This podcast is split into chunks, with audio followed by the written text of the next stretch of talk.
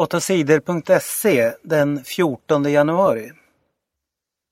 Två män ihjälskjutna i Örebro. Två män och en kvinna har hittats skjutna i Örebro. Männen har dött, kvinnan är svårt skadad. Alla tre är lite mer än 20 år gamla. Poliserna vill ännu inte berätta precis vad som hänt. Tidningen Aftonbladet skriver att en av männen har skjutit de andra sedan har han skjutit sig själv. Frankrike bombade i Mali. Franska stridsflygplan har i flera dagar bombat flera städer i landet Mali i Afrika. Frankrike vill hjälpa Malis regering att stoppa de islamistiska rebellerna som försöker ta makten i landet. Fler än hundra människor kan ha dödats i de senaste dagarnas bombningar. Flera barn dödades av bomberna, säger borgmästaren i staden Konna. Islamister i flera länder hotar att hämnas på Frankrike för anfallen. Fem män är misstänkta för gruppvåldtäkt. Natten till i söndags var en 22-årig kvinna på väg hem till sin bostad i Sundbyberg. På väg hem från pendeltåget blev hon överfallen av fem okända män. Männen höll fast kvinnan och flera av männen våldtog henne. Det säger poliserna som pratat med kvinnan. Poliserna har inte fått fast någon misstänkt. Men männen kan finnas med på film från någon övervakningskamera i Sundbyberg, säger poliserna. Varje år anmäls över 6 000 våldtäkter i Sverige. Men det är väldigt ovanligt att flera män våldtar en kvinna. Svensk dubbelseger i sprint.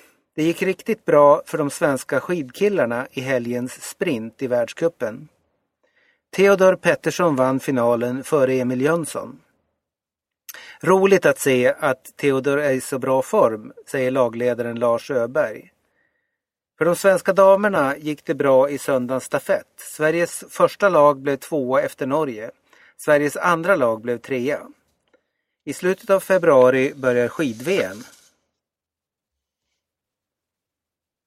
Lars Werner är död. Vänsterpartiets före ledare Lars Werner är död. Han dog i fredags, 77 år gammal. Lars Werner dog av hjärtfel. Han klagade över att han känt sig trött den senaste tiden, säger vännen och partikamraten C.H. Hermansson till Expressen. Muraren Lars Werner var Vänsterpartiets ledare i 18 år, från 1975 till 1993. Protester mot homoäktenskap. Frankrikes regering vill införa en lag som ger homosexuella rätt att gifta sig.